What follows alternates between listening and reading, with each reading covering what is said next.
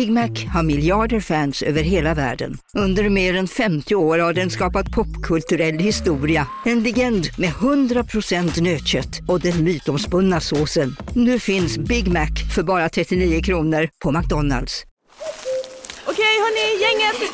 Vad är vårt motto? Allt är inte som du tror. Nej, allt är inte alltid som du tror. Nu täcker vårt nät 99,3 procent av Sveriges befolkning baserat på röstteckning och folkbokföringsadress. Ta reda på mer på 3.se eller i din 3-butik. Hej, Susanne Axel här. När du gör som jag och listar dig på en av Krys vårdcentraler får du en fast läkarkontakt som kan din sjukdomshistoria. Du får träffa erfarna specialister, tillgång till lättakuten och så kan du chatta med vårdpersonalen. Så gör ditt viktigaste val idag, lista dig hos Kry.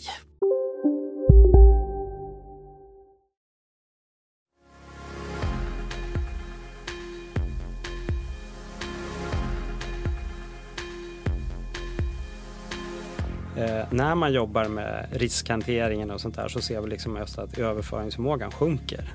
Eh, och det är ju liksom ett tecken på att systemet inte riktigt mår som vi vill att det ska må. Det här går ju inte ihop med den utveckling som sker. Att effektbalansen blir sämre, överföringsförmågan sjunker. Sen, vi vill ju ha mer överföringsförmåga, vi vill ha mer effekt i systemet. Att fortsätta lägga ner kärnkraft. Eh, ja, men alltså det, det ställer ju, ger ju enorma systemutmaningar. Även om det aldrig kommer vara okej okay att det blir en blackout när den väl sker så är det ju ändå som en del av kalkylen på något sätt att det, det kommer att hända. Ännu mera elektricitet. Det är en av nycklarna för att klara klimatmålen. Det talas om dubbelt så stor elanvändning om några decennier. Men räcker elektriciteten? Och framförallt, räcker ledningarna och näten? Per Wikström är expert på kraftsystem och varnar för att det svenska stamnätet redan har tappat i överföringskapacitet. Det finns risk för obalans i systemet och problemen kan enligt honom hota den pågående klimatomställningen. Men vad är det värsta som kan hända om Sverige slarvar med en eller flera länkar i energikedjan? Och är höstens höga elpriser i södra Sverige ett tecken på ett allvarligt systemfel? Per Wikström, expert på elnät och anställd på energibranschens organ Energiföretagen. Välkommen till fredagsintervjun. Tack så mycket. Du har haft din tjänst på Energiföretagen ett och ett halvt år ungefär men innan dess hörde du till Svenska kraftnät i mer än 20 år. Vad hade du för uppgift där? Ja, jag hade olika, olika befattningar inom driftavdelningen främst. Då. Eh, jag var, jobbade med avbrottsplanering, kraftsystemanalyser och var chef för eh, kontrollrummet och såna, såna delar. Men sen även de sista åren jobbade jag mycket med kraftsystemanalyser och energiomställningens konsekvenser för systemet. Okej, så en elenergi, eldistribution, kärnkraft, vattenkraft, nätfrekvensen 50 hertz. Allt det där har du levt med hela ditt yrkesliv alltså? Ja, verkligen. Härligt. Nyligen så gick ju priset för el upp kraftigt i södra Sverige, det som kallas elområde 4. Priset per kilowattimme el varierar ju dag för dag men ibland kostar elen i syd flera gånger så mycket som i resten av landet. Per Wikström, varför är elen så mycket dyrare i södra Sverige? Det beror på ett par olika faktorer. Då. Eh, dels beror det på att eh, överföringen från norr till söder är begränsad i stamnätet. Eh, vilket gör att det finns billig produktion i norr men den kommer inte ner till södra Sverige. Och det i sin tur betyder att södra Sverige måste exponeras mot europeiska elpriser.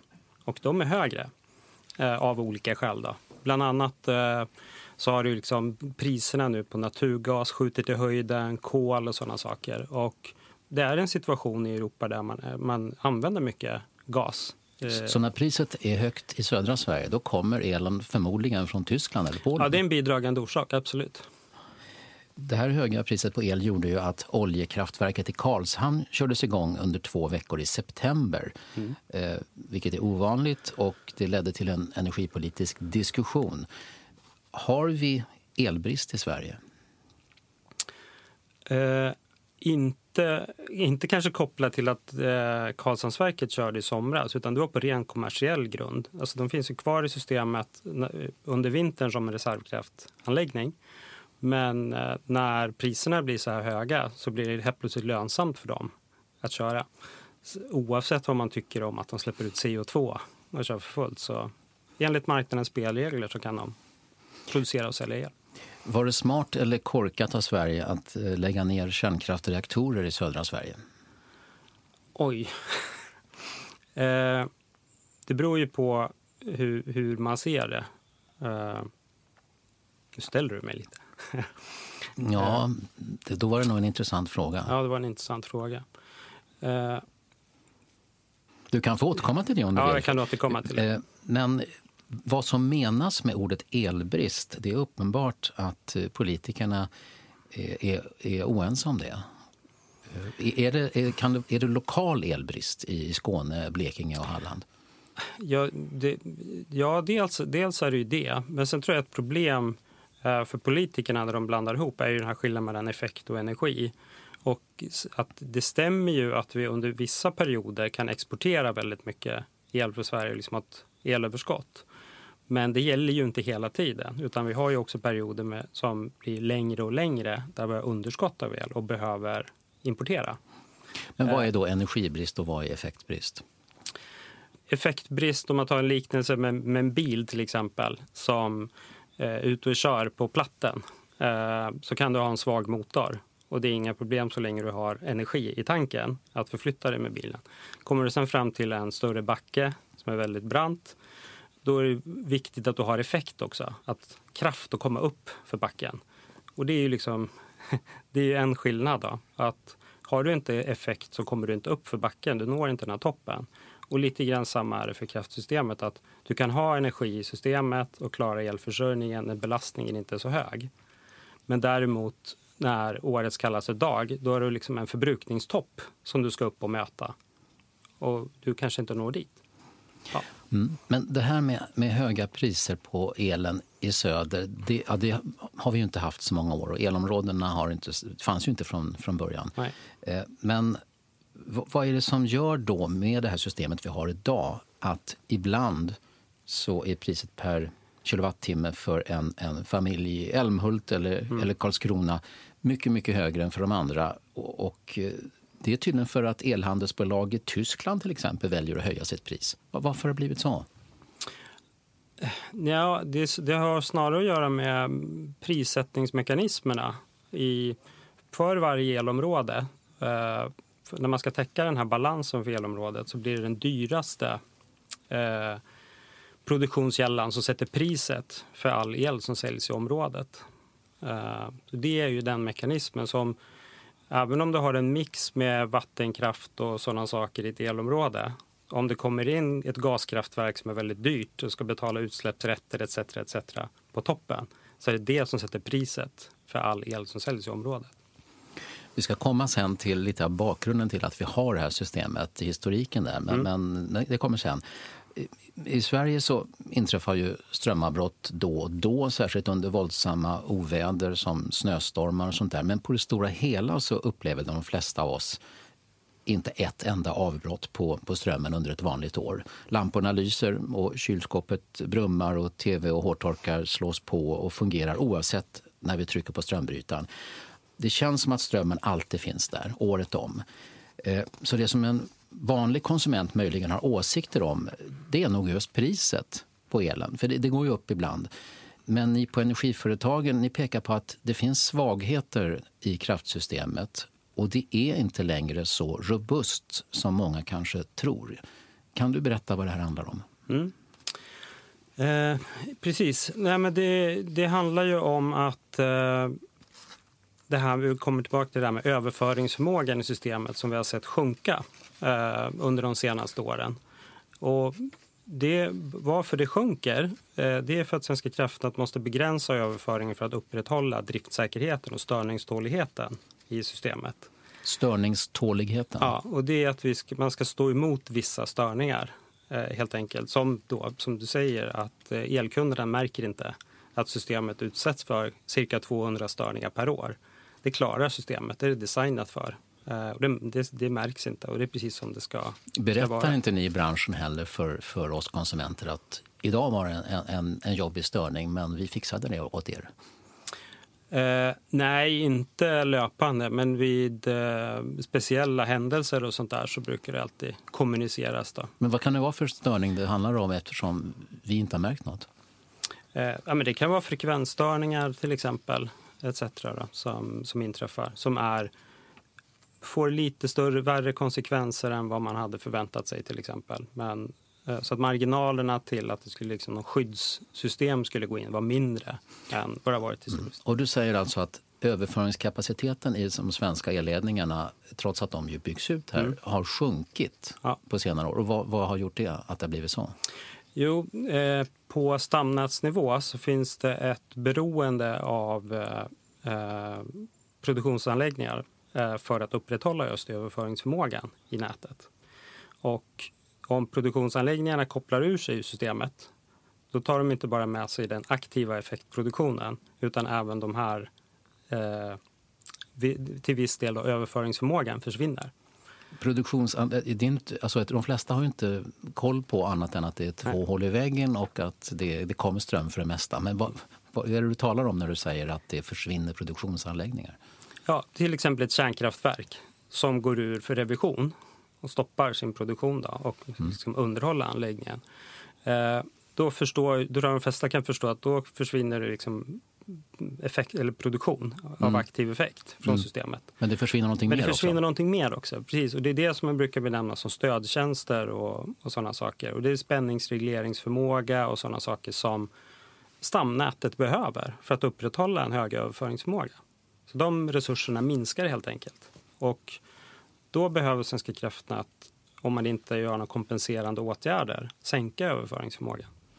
Mm, det som framförallt har hänt de senaste tio åren är ju att eller man har lagt ner ett par kärnkraftsreaktorer och så har man tillfört en väldig massa vindkraft framförallt. Ja. Är det, det den skillnaden som har I, sänkt? I, I, huvudsak är det att de här, det vi ser nu är ju effekter av de här senaste fyra kärnkraftsreaktorerna som la ner. Eh, definitivt. Eh, det, det, det, påverkar liksom systemets förmåga att överföra el. Hur, hur, allvarlig eller betydelsefull är den här sänkningen av överföringskapacitet som har skett? Eller störningståligheten har också gått ner då, vad jag förstår? Ja, fast det kompenserar man då genom att sänka överföringen.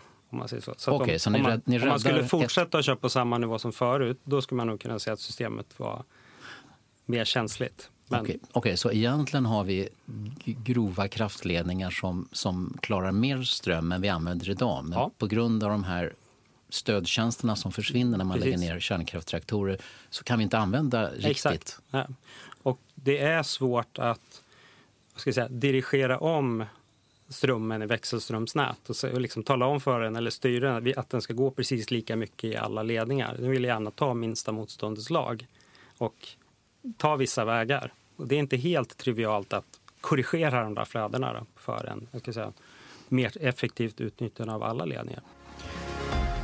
Det är ju fortfarande så att mycket av svensk el produceras i norra Sverige. Mm. Och eh, det är ju inte för att det bor så mycket folk där utan för att de stora älvarna finns där. Eh, vattenkraften har tjänat Sverige väl i ungefär 100 år. Eh, och förutom att det är en ren energikälla och billig så är den reglerbar. Man kan öppna kranarna lite extra när det behövs mycket el och man kan dra ner på dem om det kommer mycket el från sol och vind eller vi helt enkelt inte behöver så mycket el som på sommaren. Och Sverige är ju ett avlångt land, brukar vi säga. Och det är ju sant också. Vilken betydelse har formatet på Sverige för den situation som vi har nu? Eh, nej men det är klart det bidrar. Alltså, vi ska ju överföra el över extremt långa avstånd.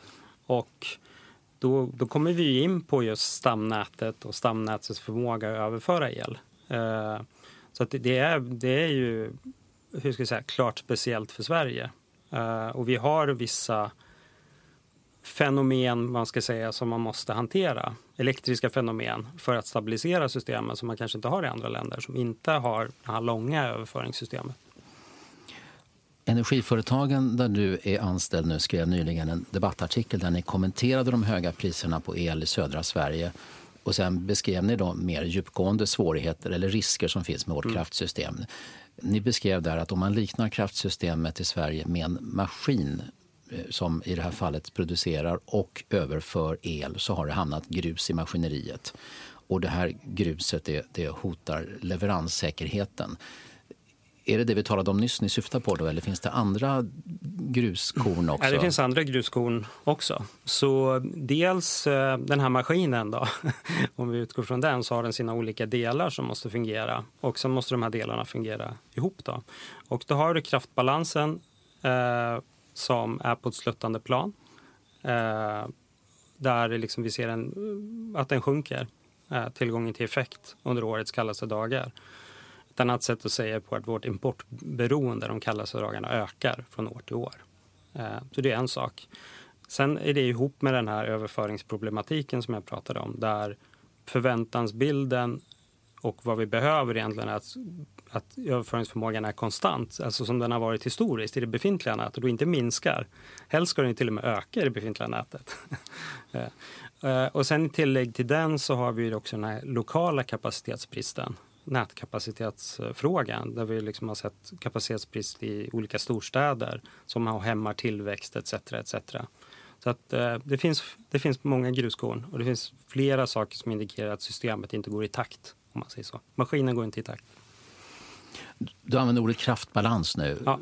Men kan du förklara lite närmare vad det betyder? Ja, det är ju den här effektfrågan. Liksom. Just att vi har tillräckligt mycket eh, produktion för att möta eh, efterfrågan. Helt enkelt. Ja, och, den, och den var bättre alltså för 10-20 år sedan? Ja, den var bättre förut. Och varför ja. var den det? Eh, det var för att vi hade tillgång till mer planerbar produktion. Vi hade fler kärnkraftverk inne i systemet och sådana saker. Och det man tittar på när man gör den här, kraft, den här kraftbalansen och Svenska kraftnät gör en kraftbalansrapport som man kan gå in och titta på. Det. Då tittar du också på vilken tillgänglighet olika produktionsslag har och räknar ut en effektfaktor. Och så summerar du det, liksom vad som är en trolig tillgång till effekt under de här timmarna. Och du och branschen talar om att Sverige får mindre planerbar kraft när det mm. blir mer sol och vind eh, och mindre kärnkraft. Hur mycket planerbar kraft eh, behöver vi? Eh, ja, tittar du utifrån elektrifieringsstrategin och de här ambitionerna att elektrifiera så behöver vi väldigt mycket. Jag kan inte säga någon siffra, men det blir ju väldigt höga belopp. Och det är ju just för att det inte alltid blåser. Eh, vi måste få upp en, en hög, eller vi måste få in mycket energi i systemet. Då. Det kommer inte funka om vi har en väldigt låg andel planerbar kraft i vårt system? Nej, det, det kommer leda till problem. Eh, det kommer leda till problem att balansera systemet. Eh, för att till exempel då när det inte blåser och inte sol så ska du, har du fortfarande en elförbrukning som ska täckas. Ni skrev i den här debattartikeln nyligen också att eh, gruset i det svenska elmaskineriet faktiskt kan hota klimatomställningen. Hur kan det komma att bli så?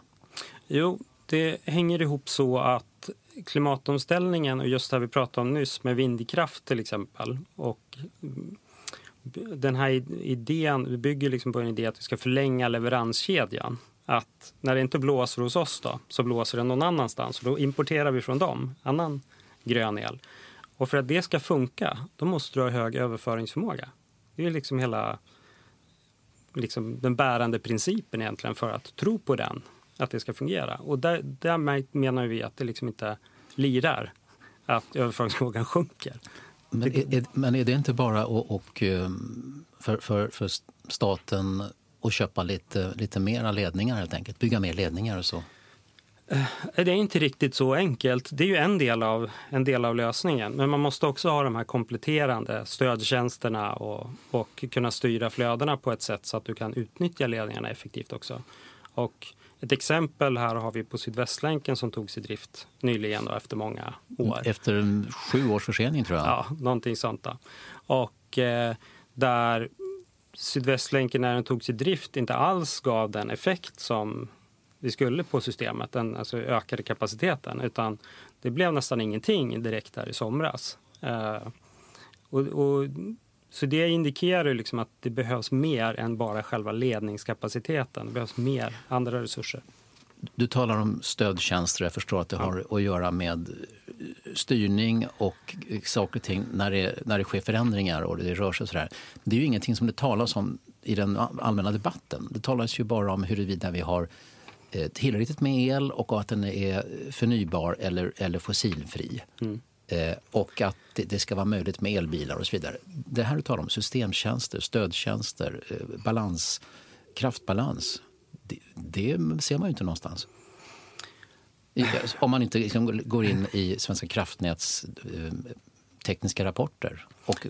Absolut. Eller följer liksom branschen och sådär. För där, där pratas det ändå om de här sakerna. Men absolut är det så. Och skälet till det är ju att det är ju väldigt tekniskt och komplicerade eh, saker. Eh, man måste vara, nästan vara elektriker för att förstå fullt ut vad, vad det innebär.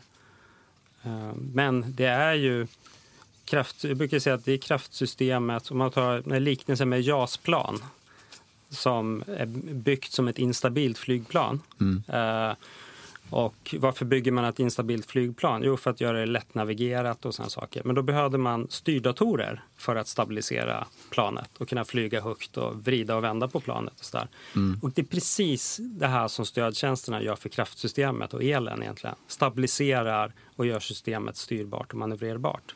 Så stödtjänster är motsvarande dem. Och minskar de, som i det här exemplet vi tog när kärnkraften fasar ut, då, så då får du dra ner överföringsförmågan. Ungefär som att JAS-plan inte kan flyga lika högt om du styr, några styrdatorer inte funkar. Så det är JAS-planets eh, styrsystem på, el, på el, elkraftsystemet som ja. inte riktigt eh, håller måttet? Ja, precis. Som... Att, som gör att man liksom inte kan utnyttja den inbyggda kapaciteten. Det är liksom ett sätt att se på det. Eh, det kom en rapport för något år sedan från Svenska kraftnät eh, och jag läser i den delen som handlar om leveranssäkerhet så står det så här Utvecklingen i Sverige innebär att det i samhället pågår två rörelser som inte är att betrakta som förenliga. Eh, det ena är den ovan beskrivna negativa utvecklingen av leveranssäkerheten för effekt. Eh, och den andra är att det moderna samhället samtidigt rusat och rusar vidare mot något som måste betraktas som ett nästan totalt elberoende. Ja, vad, vad blir effekten av det här då? Vad, vad är det för risker som, som det här för med sig? Den här förändringen, eller? Allting ska, ska, är beroende ja, av el. Men precis. Och det, Den här det... inspelningen skulle inte kunna göras utan el känner jag på mig. nej, precis. uh, nej, men det är ju, det är, vi har ju som sagt den, den här utvecklingen som där och då stämde. Enbart handlade egentligen om fokus på kraftbalansen. Effekt, liksom, att tillgången till effekt uh, mm. sjunker helt enkelt. Samtidigt som man då för fem år sedan, eller när den där rapporten skrevs, ändå såg liksom att elberoendet ökar, elanvändningen kommer att öka. Och det var ju inte i närheten av det vi ser idag. Alltså det är ju en disruptiv förändring här liksom. Med, med liksom hundratals eh, terawattimmar som det ska öka. Liksom. Eh, men sen i tillägg till det som står där så har vi fått den här ytterligare negativa utvecklingen då med minskad överföringsförmåga som liksom minskar leveranssäkerheten för SE4 och sådana saker. Så att det här går ju inte ihop med den utveckling som sker.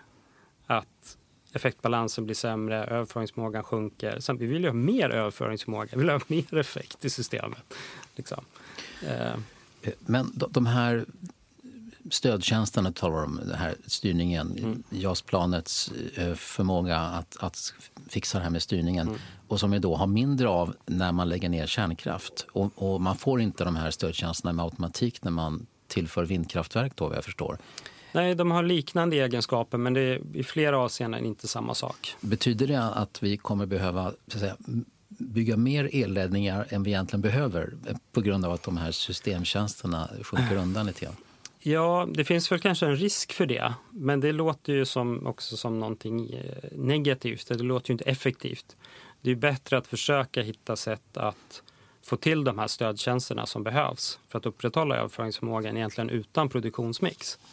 Eh, och egentligen att minska stamnätets vad ska vi säga, beroende av produktionsanläggningarnas bidrag. Utan mer vara en standalone eh, enhet. Eh, som, där man investerar i nätkomponenter och så. För vissa av de här stödtjänsterna är hyllprodukter från, från leverantörer som bara är liksom att köpa in. Eh, Medan andra kanske inte är det och kräver liksom en del utveckling och kanske forskning och utveckling och så. Men det är viktigt att man testar och provar och har liksom en hög ambitionsnivå här. Att det, vi kan inte ha oplanerbar överföringsförmåga. Liksom. Ju mer man talar om elkraftsystemet desto mer förstår man att det här är otroligt komplext. Ja, det är komplext. Och, och, och, på grund av att det så sällan är, är, stora strömavbrott som, som en genomsnittlig konsument märker så kan man ju kanske luta sig tillbaka och få en känsla av att, att det inte är det. Och att det enda som krävs nu det är liksom att få mera klimatanpassade eh, produktionsmetoder. Mm. Då, då är vi hemma. Nej, men hela liksom, energiomställningen medför ju att saker som elkvalitet och driftsäkerhet utmanas. Helt enkelt. Sånt som vi har tagit för givet. Att det här är inget problem och, och så. Eh, och de här, det här som utmanas med elkvalitet, det måste ju hanteras och leder ju då oftast då till att nätägaren här måste kompensera eller bygga om sitt nät för att du ska fortsätta få en bra elkvalitet hemma. Trots att eh, liksom alla grannar har stoppat in solpaneler eller laddinfrastruktur och elbilar och de här sakerna. Det är inte helt säkert att elkvaliteten inte påverkas. Och om den gör det så måste nätägaren vidta åtgärder. Liksom. Och det drar med sig eh, kostnader. Hej, jag heter Ola Wång och är Kvartals kulturredaktör. Jag hoppas att du gillar kvartalsjournalistik och att du vill komma på fest med oss. Vi har nämligen några platser kvar till vår höstmiddag. Det är tisdagen den 23 november och då bjuder vi in till helkväll på Sjöfartsvåningen på Skeppsbron i Stockholm. Förutom en trerättersmiddag med särskilt utvalda viner och livemusik från vårt eget jazzband så bjuder vi också på en specialupplaga av Fredagsintervjun och den sker på plats med DNs publisher Peter Wolodarski. Biljettpriset för hela den här kvällen, inklusive fördrink, utsökt mat och vin som sagt, är 2500 kronor. Du bokar på kvartal.se event. Vi ses!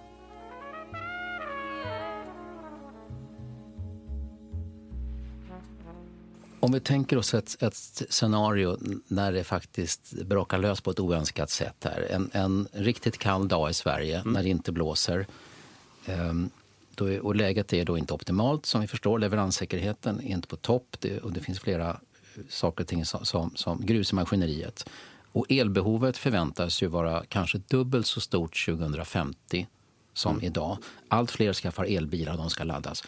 Så vad är det som skulle kunna hända den där kalla dagen i januari eller februari eh, nästa år, eller om två år, mm. eller, om, eller om fem år.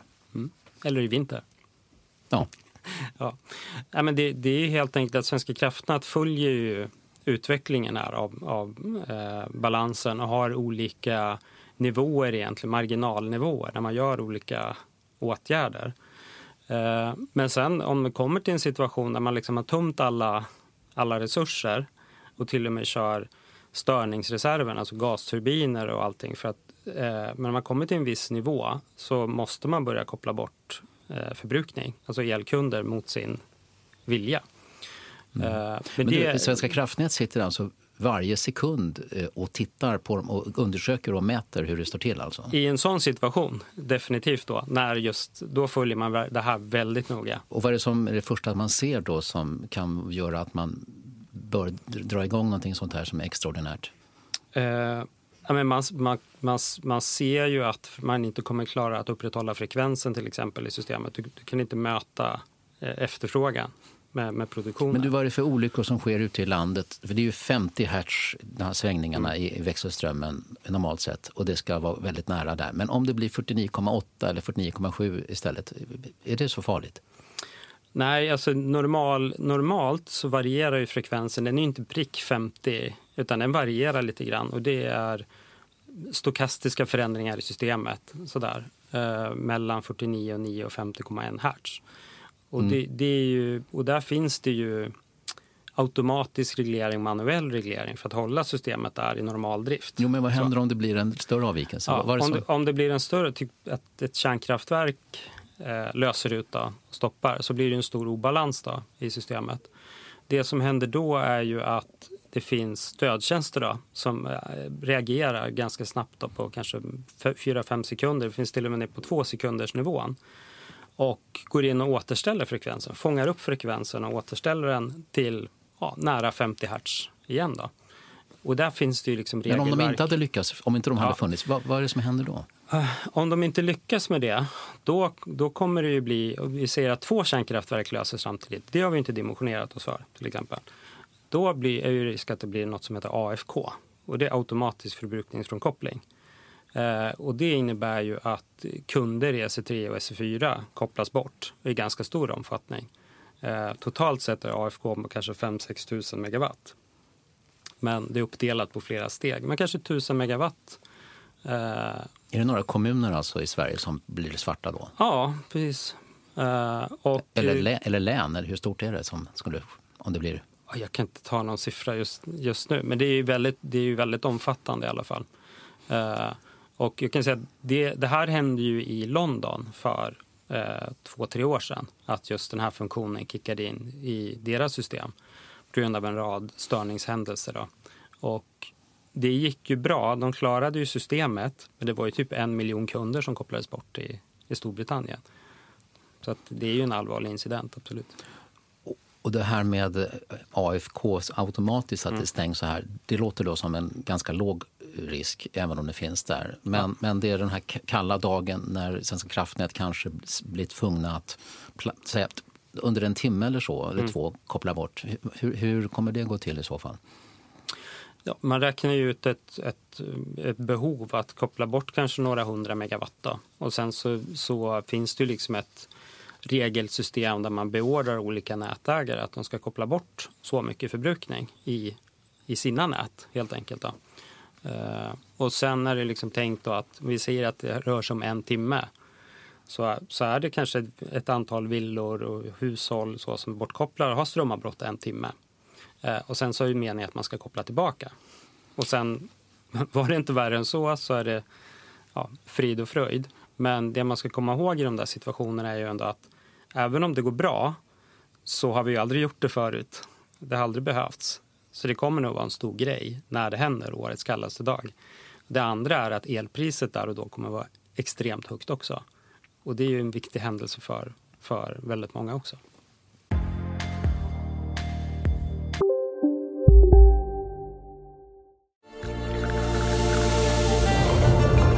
Välkommen till Maccafé på utvalda McDonalds restauranger med Baristakaffe till rimligt pris. Vad sägs om en latte eller cappuccino för bara 35 kronor? Alltid gjorda av våra utbildade baristor. Hej Sverige! Apoteket finns här för dig och alla du tycker om. Nu hittar du extra bra pris på massor av produkter hos oss. Allt för att du ska må bra. Välkommen till oss på Apoteket.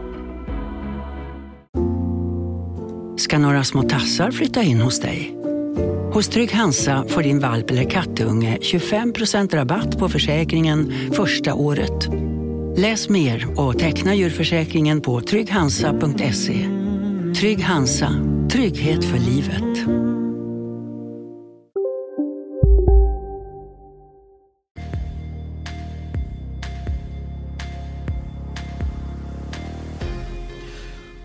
Per Wikström på Energiföretagen.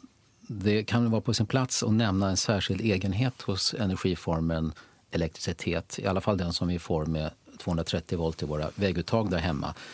Men också all ström till gatubelysning, tåg, tunnelbana och alla industrier. All el måste produceras i samma sekund som den används. Mm.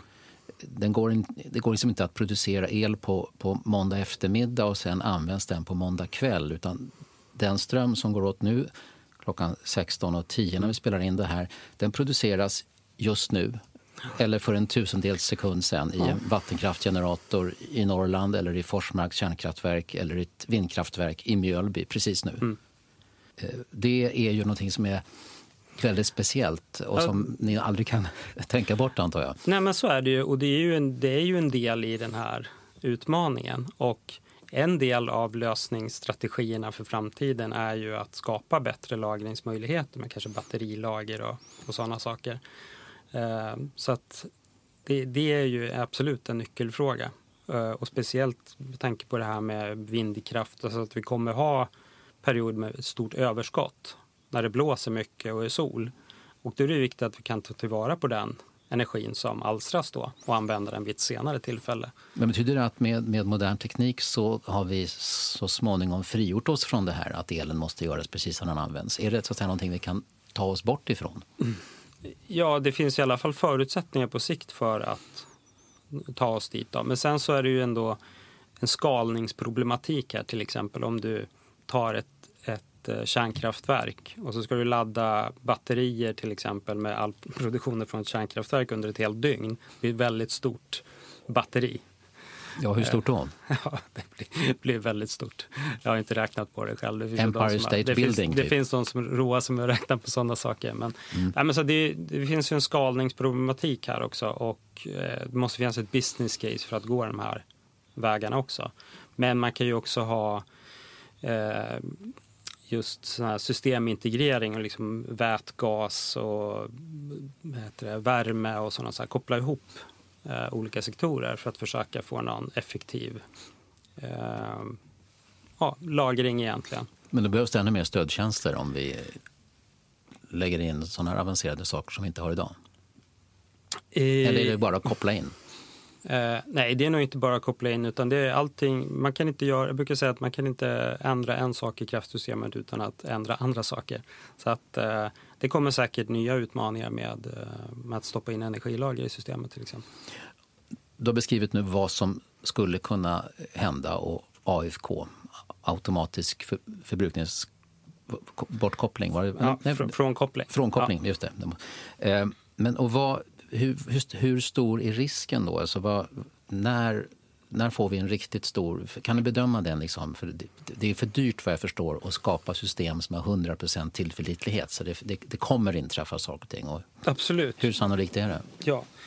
Det, det är väldigt svårt att säga. Man får liksom del, dela upp eh, problemet i olika delar. Men för, för det första är det ju sant som du säger att 100% leveranssäkerhet är ju uteslutet. Eh, och det går antagligen inte att skapa. Hur mycket pengar du än lägger ner så kommer du få något problem med systemet i alla fall. Det blir för komplext och svårt. Det kommer skälpa dig i alla fall. Men eh, utifrån till exempel storstörningar, alltså att eh, det blir en blackout i halva Sverige eller delar av Sverige. Då har vi ju haft sådana i Sverige med 20 års mellanrum. Så vi hade ju en 1983 och sen hade vi nästa 2003, så exakt 20 år emellan. Precis som man, har, man har sagt. Då. Okay. Eh, och sen så är det ju enligt statistiken dags eh, 2023 då. Eh, för nu. Jag hoppas det är inte att, så långt dit. Nej, det är inte så långt Men dit. vi är ju mycket mera elektrifierade 2023 än vi var 2003. Ja, exakt. Så För att tala om betalningssystem. Ja, det är väldigt stor skillnad. Det, är väldigt stor, det har ju hänt väldigt mycket sedan 1983. Och vi har ju omreglerat elmarknaden och allting sen som första Men Så någon... ditt tips är att det kommer ske inom fem år i alla fall?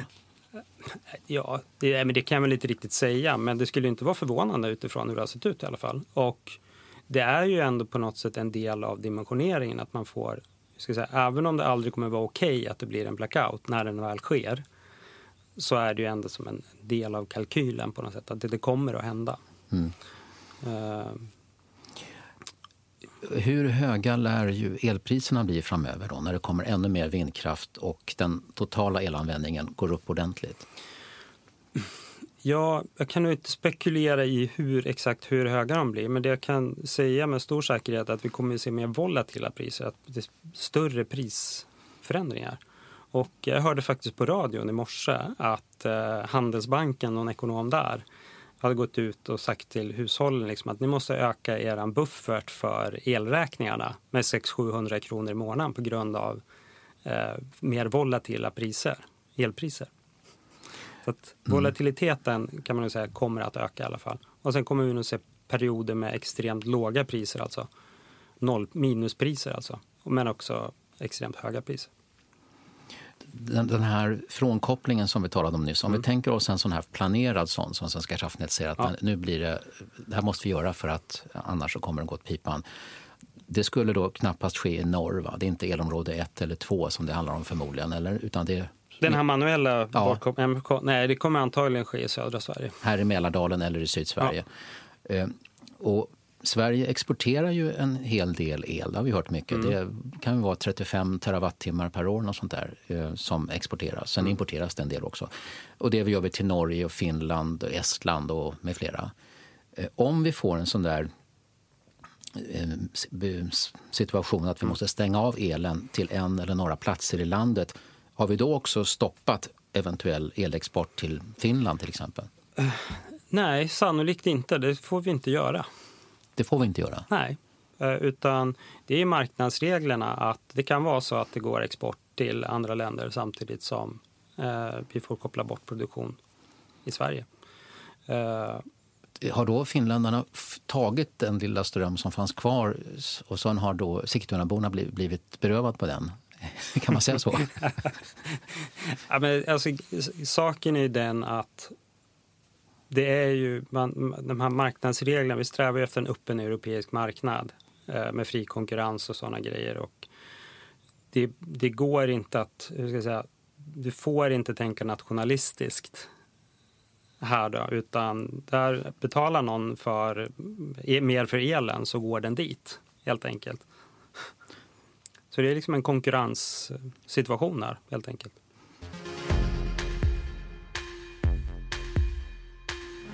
Ja, då kan det finnas anledning att, att lite grann titta tillbaka på hur Sverige blev den här sortens elmarknad.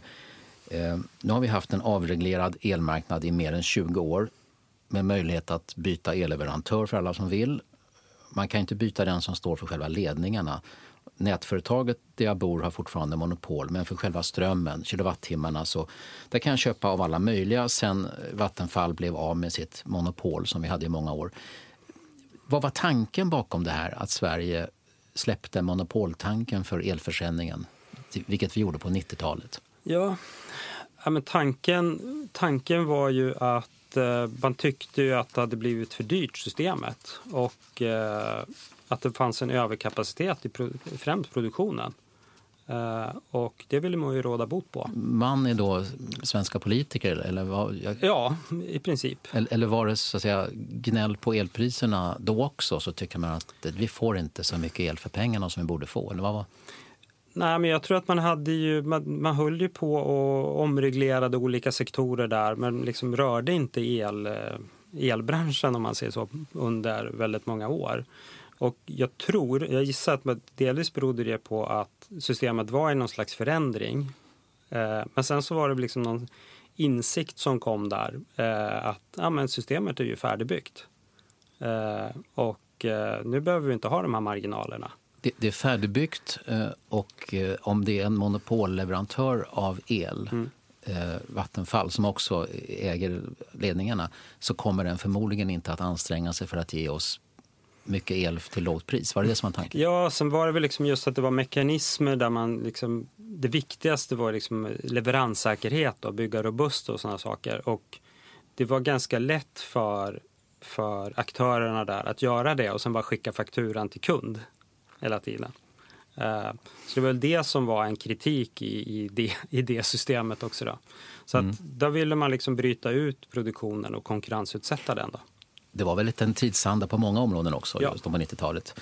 Eh, men ska barnfamiljen Olsson i Örebro vara tacksam och glad för att vi har en elmarknad nu och inte Vattenfalls gamla monopol? Har de vunnit någonting på det här?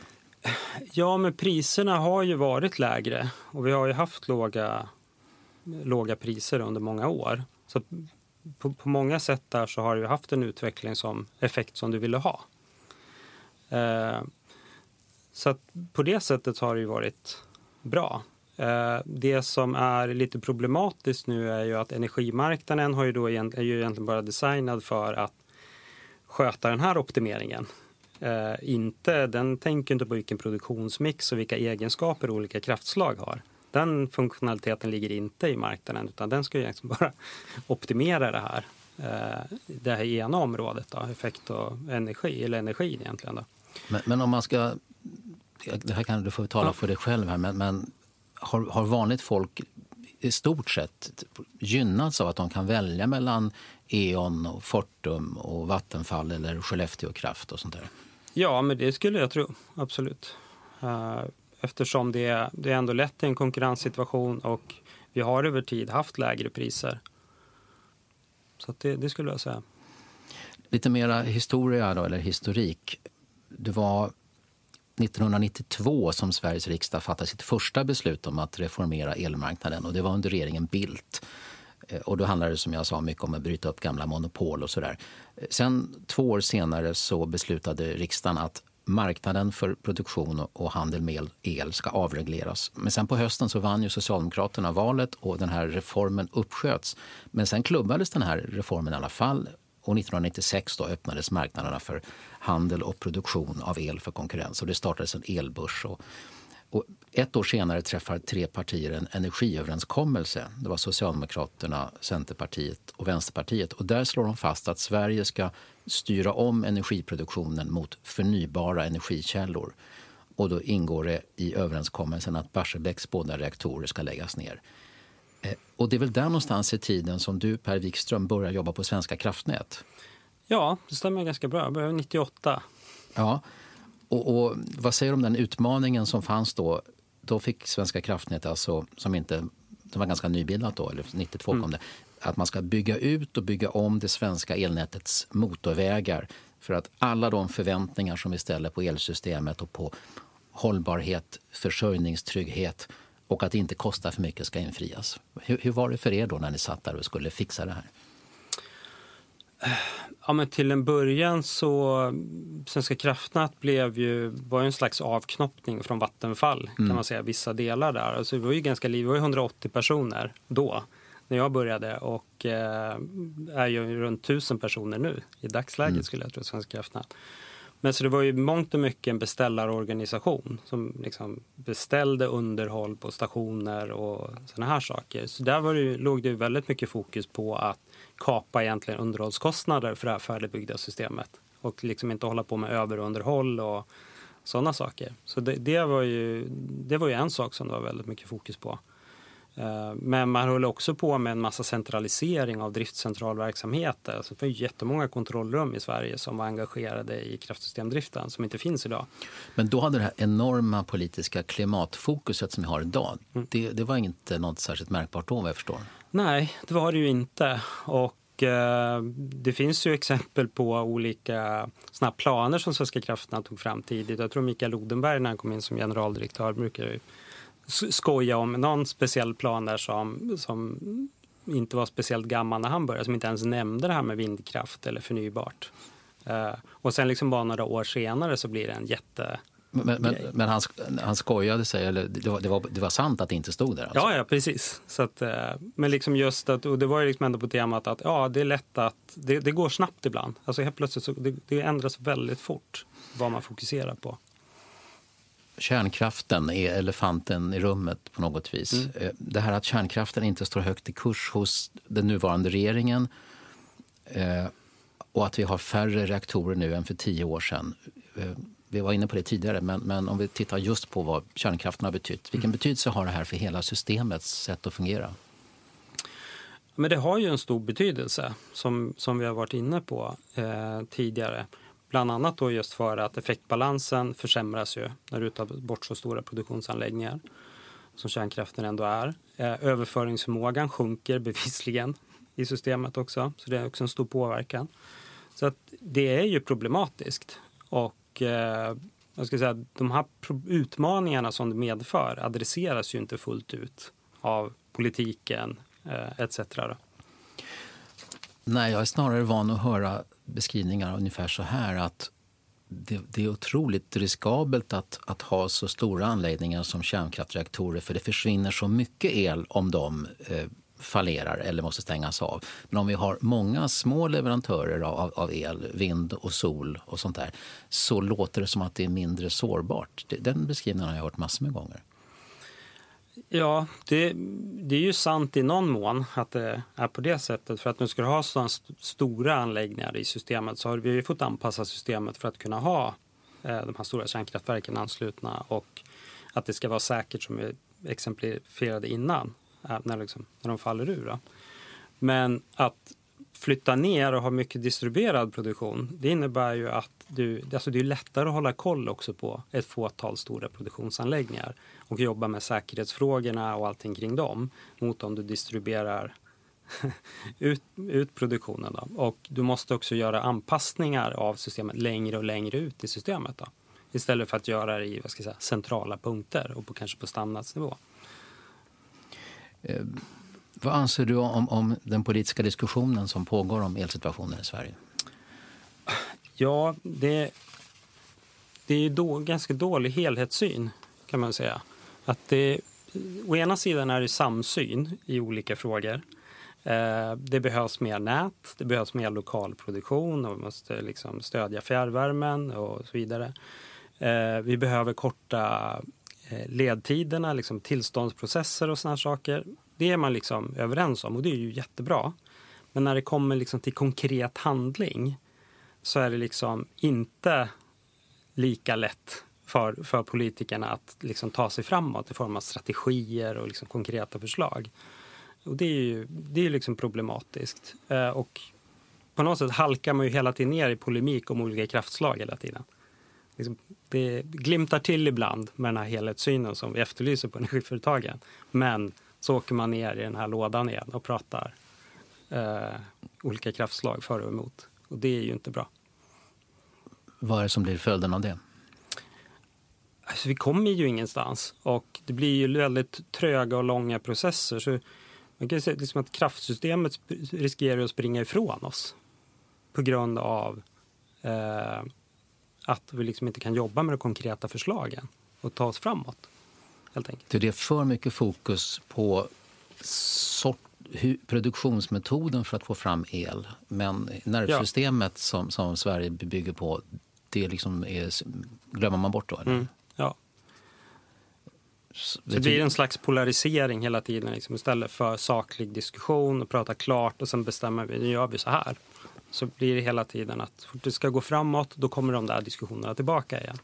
Ni säger på energiföretagen, och det tror jag i och för sig att även från en del myndigheter, Svenska kraftnät och Energimyndigheten också påpekar ju att det behövs stabilitet eh, balans, förutsägbarhet i det här mm. systemet. Men det är inte det man talar om i, den politiska debatten. Det är, och beror det på att, att, det finns, att det inte är kontroversiellt med förutsägbarhet eller beror det på att eh, det inte är politiskt gångbart att tala om det?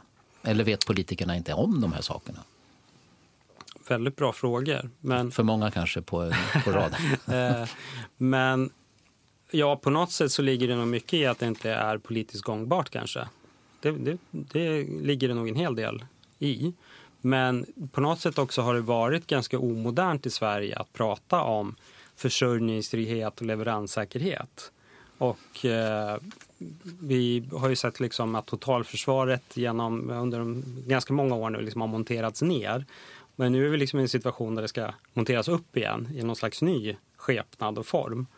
Eh, så det, det, det vi har missat, tror jag, i Sverige, eh, vad jag ser tecken på i alla fall, det är ju just att jobba med den typen av frågor. Liksom. Alltså grad av självförsörjning för nationen Sverige i händelse av kris och krig och sådana ytterligheter. Att, liksom, vem lägger tid på de frågorna egentligen? Och vem tar fram en kravbild på vad vi behöver den dagen vi inte kan få import alls i en extrem situation?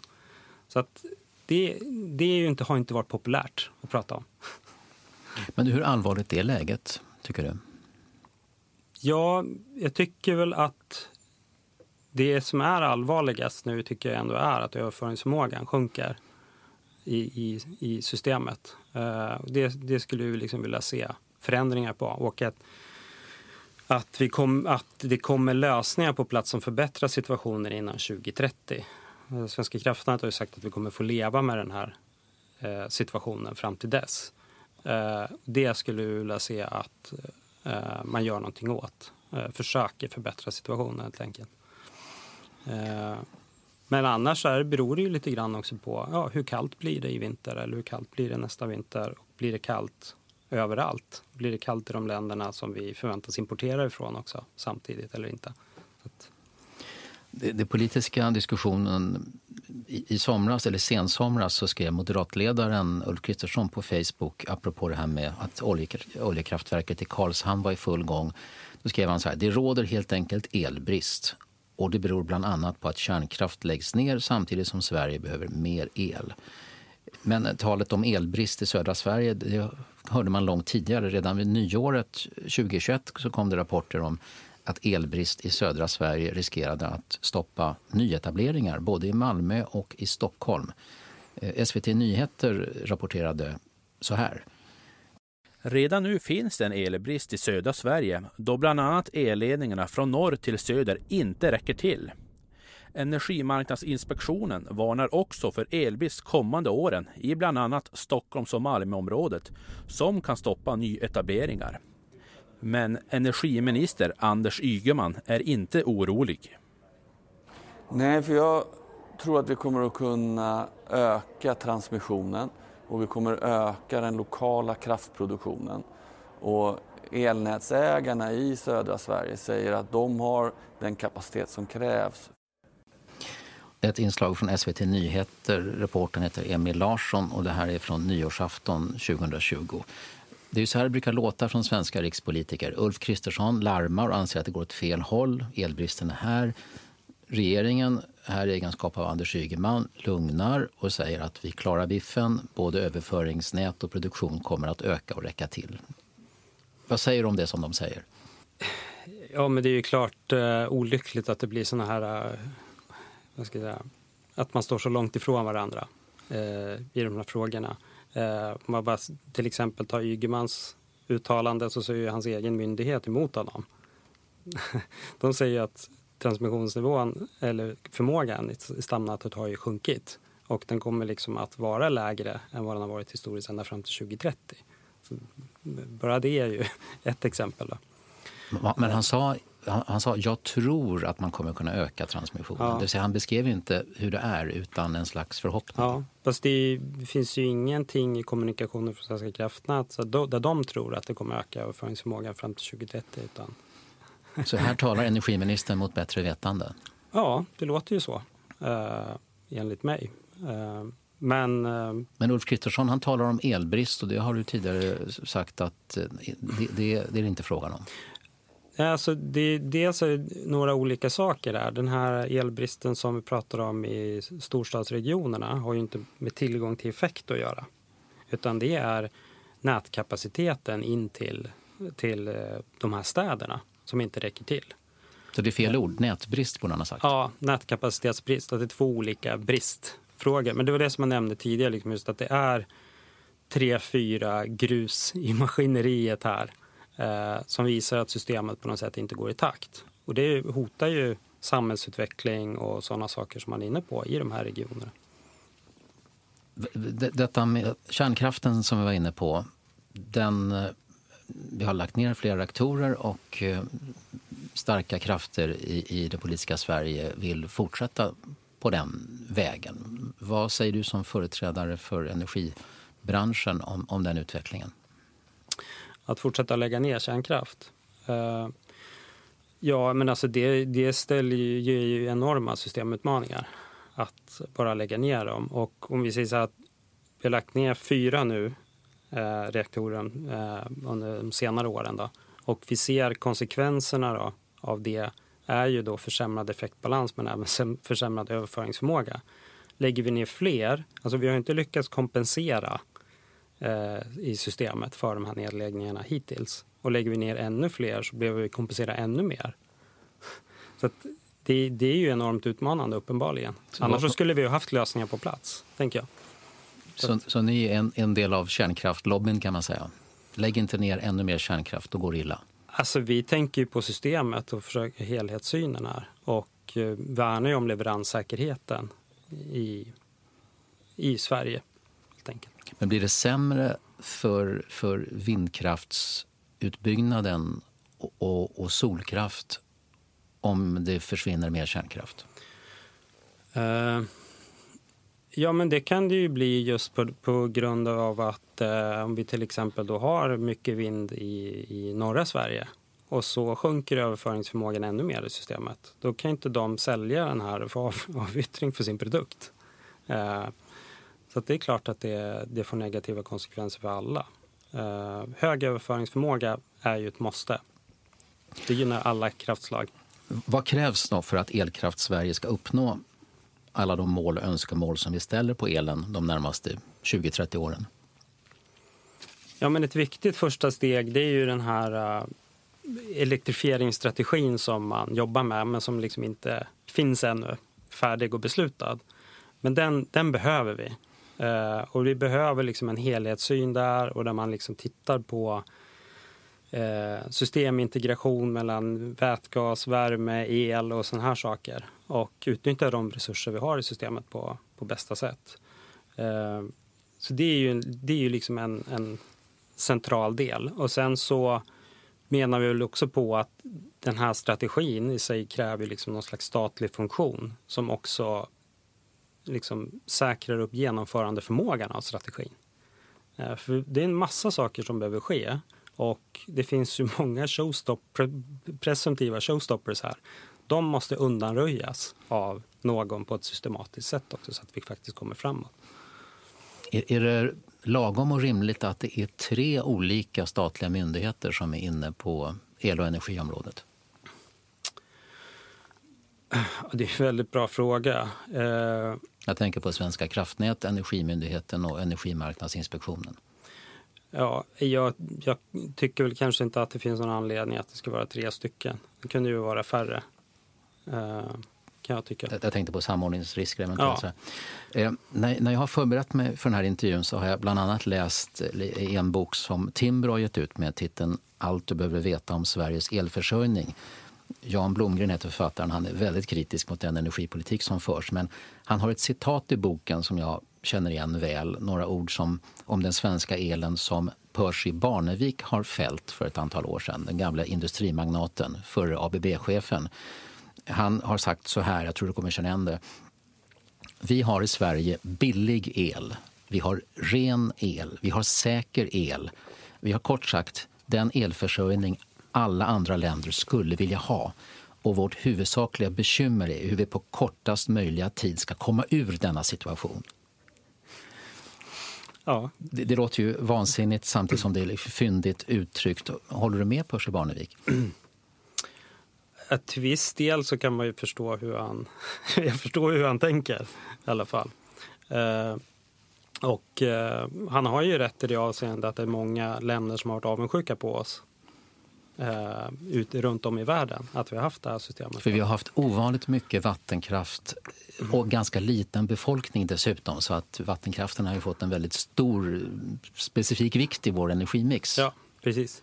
Men sen är jag liksom osäker på fullt ut vad, vad han tänkte på alltså, där han sa att det var så himla, himla bråttom. För eh, jag tycker, alltså att, att, bara minska, att tycka att det var ineffektivt att ha en för stor, för stor produktionsapparat för 20-30 år sedan eh, och försöka minska den en del är ju inte samma sak som att gå kanske hela vägen som Percy antyder. Men han tar i lite för mycket tycker du? Ja, där och då liksom. Ja, det är några år sedan han sa det i och för sig. Ja, precis. Så vad är ditt råd till Kvartals lyssnare? Ska de känna tilltro till att eh, det här kommer att bli bra och, och fokusera på sina egna jobb och intressen eller bör vi alla höja vår personliga beredskap för att eh, det kan bli en skakig elektrisk resa framöver? Uh, jag skulle nog inte säga att den eh, blir en skakig elektrisk resa framöver. det hoppas jag inte trots, i alla fall. Trots dina farhågor och grus i maskineriet som du pekar på? Ja, men exakt. Men vi får ju förlita oss på att eh, man ändå börjar lösa, lösa de problemen och vänder de här trenderna eh, som, som vi har pratat om. Men om de inte man inte vänder de här trenderna så kan det absolut vara eh, så kommer ju problemen liksom att öka. Nu har vi bara börjat se problemen. Liksom. Men du vill inte liksom ge råd att varje hushåll ska ha sin egen dieselaggregat för Nej. att kunna generera el? nej, så långt vill jag inte gå. Eh, men det, men det är också som du var inne på, det är ju, gemene man ska ju inte behöva bry sig så mycket om kraftsystemet och alla problem som ingenjörerna och, eh, går och grubblar över och sånt där och den här störningstålighet och allt som jag pratat om. Men man ska ju vara medveten om att det är klart att det händer saker med, med systemet. Eh, och, där, och att man jobbar med olika problem och, och frågeställningar. Då. Det som kanske det som är det nya här är ju att Eh, när man jobbar med riskhanteringen och sånt där så ser vi liksom just att överföringsförmågan sjunker. Eh, och det är ju liksom ett tecken på att systemet inte riktigt mår som vi vill att det ska må. Per Wikström, elnätansvarig på branschorganisationen Energiföretagen. Tack för att du var med i fredagsintervjun. Ja, tack för att jag fick komma.